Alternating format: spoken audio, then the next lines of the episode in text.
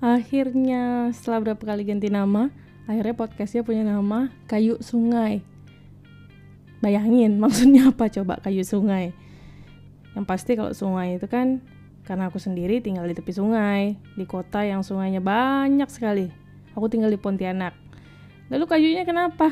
Nah waktu kecil tuh ya kayu itu kalau udah ngambang di sungai paling kita cari itu buat kita berenang jadi pelampung ceritanya. Terus kita naik rame-rame. Eh ikutin aliran sungai sampai ke mana-mana.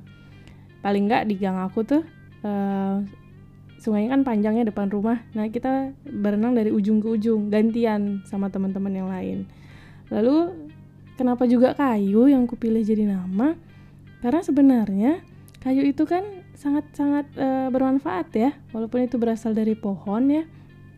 Cuman banyak sekali manfaatnya mulai dari jadi tisu pensil sampai juga kertas juga itu kan berasal dari kayu ya walaupun saat ini memang e, tidak dianjurkan untuk penebangan secara besar-besaran apalagi yang illegal logging karena pohon sendiri itu sudah semakin sedikit jumlahnya. Nah di Kalimantan sendiri khususnya di Pontianak e, arus sungai itu sangat bermanfaat untuk membawa kayu dari hulu menuju ke hilir. Jadi banyak sekali kayu-kayu di sungai rakit-rakit juga banyak itu uh, dibawa dari asalnya dari dari hulu ceritanya untuk ke hilir.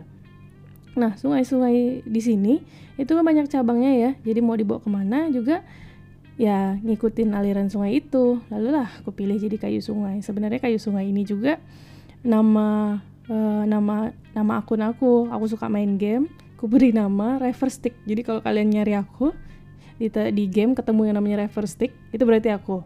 Karena uh, aku udah nyari kayaknya nggak ada yang pakai reverse stick selain aku. Eh pede ya.